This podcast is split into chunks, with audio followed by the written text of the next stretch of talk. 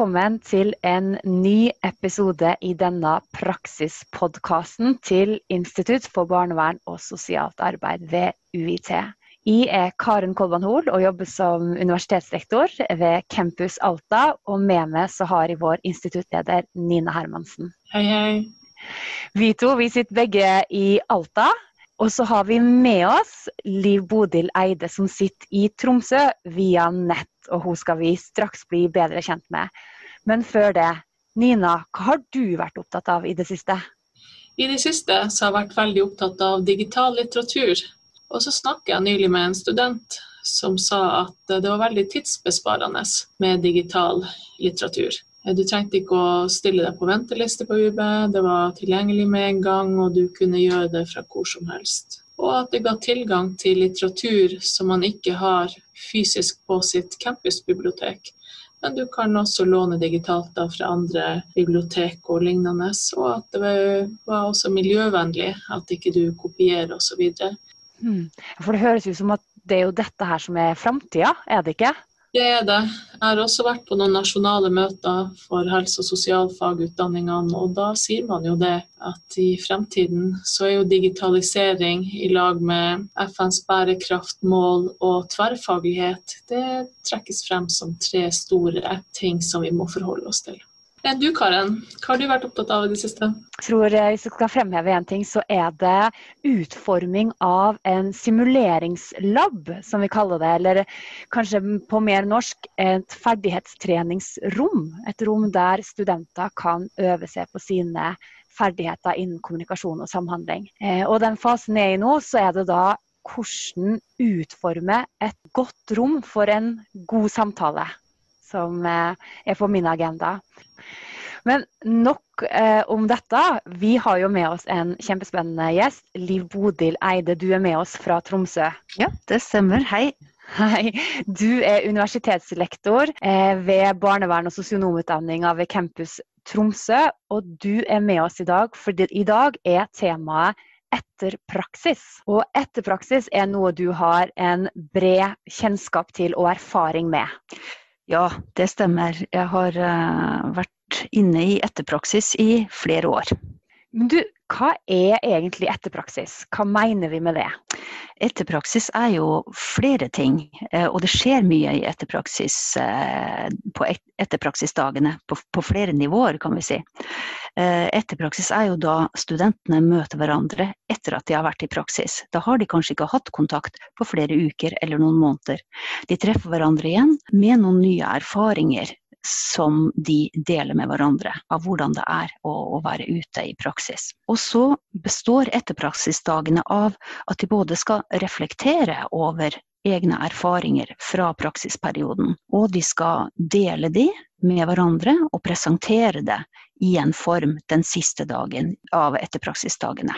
Har du et eksempel på en erfaring som studenter deler med hverandre? Eh, mange studenter eh, opplever at de er ganske usikre før de drar i praksis. Veldig spent. Hvordan er, blir det her for meg? Og det mange forteller da de kommer tilbake, og det de presenterer, er at de har opplevd noe underveis som har på en måte forløst noe i dem. Eller at de har, de har gått ut uh, med en del uh, ja, usikkerhet, og at det har løst seg. Eh, gjennom f.eks. kontakt med veileder eller gjennom et møte med en bruker der de eh, kjente at de kunne bruke seg sjøl, mm. og at de kommer ut med en uh, mye større faglig selvtillit da de kommer tilbake fra praksis, enn de kanskje hadde tenkt før de dro i praksis. Ja, og Det peker virkelig på verdien av å nettopp ha praksis i studiet. Ja.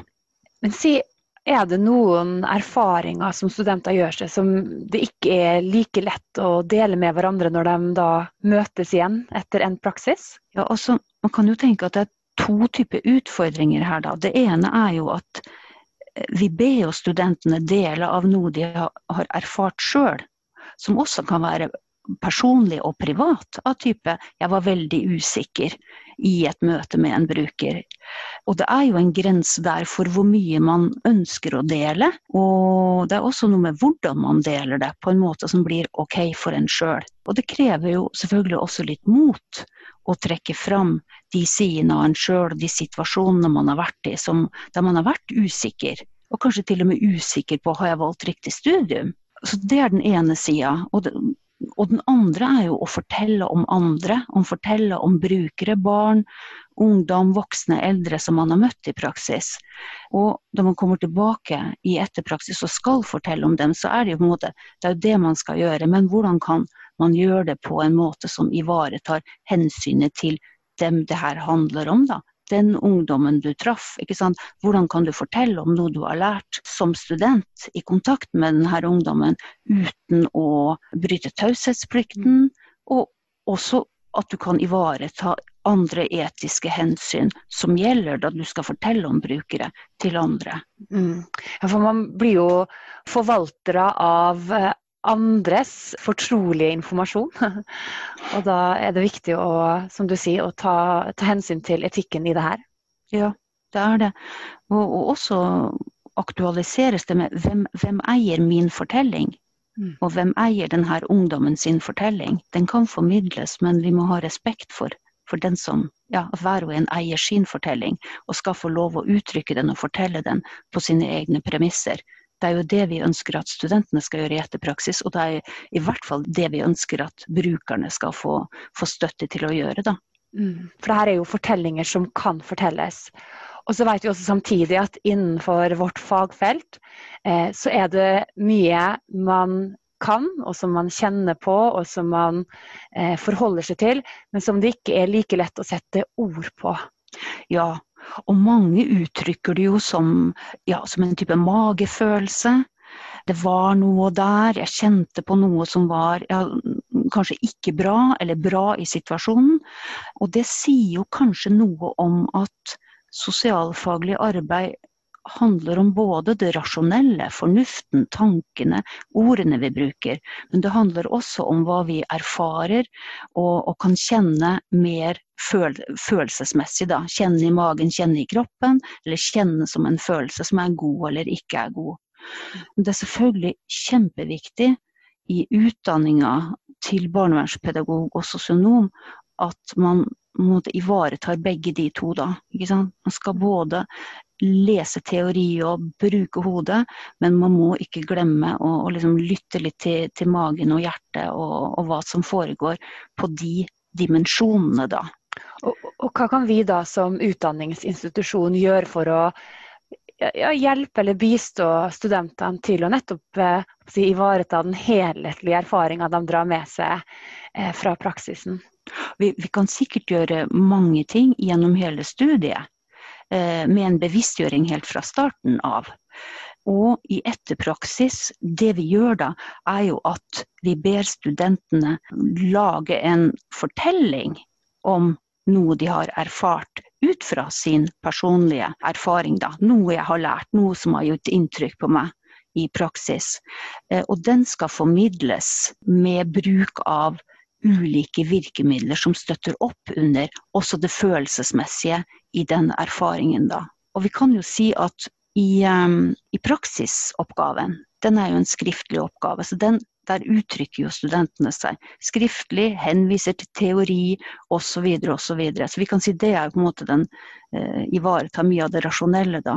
Mens i, i, de praksisfortellingene som de jobber med i etterpraksis, så er jo uttrykksmåten er jo en annen. Og måte produktet da blir noe helt annet enn en skriftlig tekst. Det skal ikke ligne en skriftlig tekst. Det skal være et, et uttrykk som også drar tilhørerne med seg, som man blir fanga av som tilhører og interessert i. Det kjenner jeg veldig godt igjen. Som instituttleder er jeg så heldig at jeg har fått vært med på en del av de etterpraksisene hvor studentene har eh, presentert sine fortellinger, sine digitale fortellinger. Og det har vært en utrolig stor erfaring. Og de dagene som har vært mest givende i lag med studentene, Og jeg tror at det er de tingene som du sier, Bodil, at man drar frem noen erfaringer og trekker frem noen episoder som har gjort noe med deg i løpet av praksis. Og det varierer veldig. Det er fra egne følelser til eh, en episode eller et tidsrom eller et eller annet fra det. Og sammenlagt så får man et veldig godt bilde av hvordan studentene utvikler seg i praksis gjennom de digitale fortellingene. Mm. det har vært en veldig, veldig nyttig å være med på, og det ser ut som studentene har fått mye igjen for det, i alle fall. Mm. Og du har tydelig blitt eh, berørt av studentenes fortellinger, Nina? Ja, jeg har blitt veldig berørt ut av det. Og det har ingenting med sånn gode eller dårlige fortellinger men jeg hører at studentene har hatt erfaringer i praksis som har gjort noe med dem, og som har utvikla seg som profesjonelle og er på vei mot å bli profesjonelle sosialarbeidere. Mm. Og da har de jo klart å, å formidle noe som, som, når ut til noen som ikke har erfart det samme som de har erfart. Og, Liv hvordan er egentlig den prosessen i forhold til det å, å, å lage en, en, digital fortelling? Det skjer jo i løpet av si, tre korte, små dager. Så det er ganske intense dager. Og vi starter med at hver og en student begynner å skrive om noe som har berørt en, en erfaring som er viktig. Og så deler de det i grupper og får tilbakemelding der på hva de andre i gruppa hører, hva de blir interessert i, hva de blir nysgjerrig på, hva, hva de blir berørt av i den eh, individuelle fortellinga. Sånn at gruppene er viktige som liksom det første de første tilhørerne til det som skal bli fortellinga. Og så jobber studentene da fram en fortelling, og så jobber de samtidig fram en, en, form på det. Altså hva slags virkemidler skal vi bruke, eller skal jeg bruke for å få fram det her. I tillegg til min egen stemme, da jeg forteller om det jeg opplevde, skal jeg bruke musikk. Eh, hva slags bilder kan jeg bruke? Eh, kan jeg bruke rytme, sånn at nå går det veldig fort, eller nå går det veldig sakte? det er mange virkemidler man kan bruke for å forsterke budskapet. Sånn som man kan tenke at, at vi ser da vi ser på en film, da. Man bruker noen virkemidler som gjør det spennende eller veldig rørende, eller, eller hva det nå kan være, da. Utfordringen er å jobbe godt med å jobbe fram en fortelling. Ikke den identiske fortellinga av alt jeg opplevde i praksis. Ikke en total avsløring av all min usikkerhet, men en fortelling som er en, en slags gjenfortelling av noe av det som jeg tenker er interessant for andre å høre om det jeg erfarte, og det jeg har lært av det. Og den formidles med stemmen som basis, da. Og så legger man andre virkemidler oppå det. Det som bærer presentasjonen den siste dagen, det er at fortellingen er gjennomarbeida. At man har et budskap at det blir en god presentasjon, at det blir noe som andre blir berørt av og lærer noe av, det er ikke og på ingen måte avhengig av at man er veldig god på teknologi eller kan lage film eller uh, har liksom alt på stell med bilder og sånt. Det er den gode fortellinga som ligger i bunnen der. Så det er mm. veldig viktig å legge, uh, legge mye av arbeidet der. Mm. Det høres jo ut som det, ja, det krever en del av studentene? Ja, etterpraksisdagene er veldig krevende. Eh, det er krevende tidsmessig. De skal gjøre mye på kort tid. Og det er krevende å gå inn og på en måte lete etter, lete fram det som man sjøl har vært berørt av, kanskje usikker på. Og så liksom vurdere ja, hva, hva, skal jeg dele med det her, hva er ok for meg å dele med det her. Og hvordan kan jeg fortelle om de jeg har møtt som har gjort inntrykk på meg, på en, på en ok måte, sånn at jeg ivaretar dem. Ja, så det er, det er flere, flere, utfordringer. Mm. Det er en krevende ting, det er en krevende del av det å bli barnevernspedagog og sosionom. Men det er en veldig eh, viktig del av det som vi jobber med, bl.a. i etterpraksisen. Mm. Og hvis vi nå da spør deg, Bodil, hva er hot og hva er not i forhold til etterpraksis og digitale fortellinger? Hva tenker du da? Jeg vil jo tenke etikken og yrkesetikken.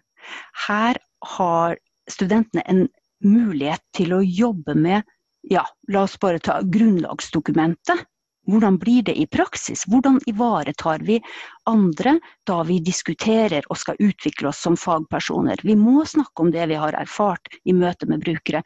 Hvordan gjør vi det på en måte som ivaretar både anonymisering og andre etiske hensyn?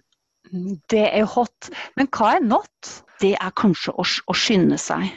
Mm. Å skynde seg og tenke for mye på at det her, nå skal vi skynde oss å lage noe på noen få dager, og det skal være ferdig.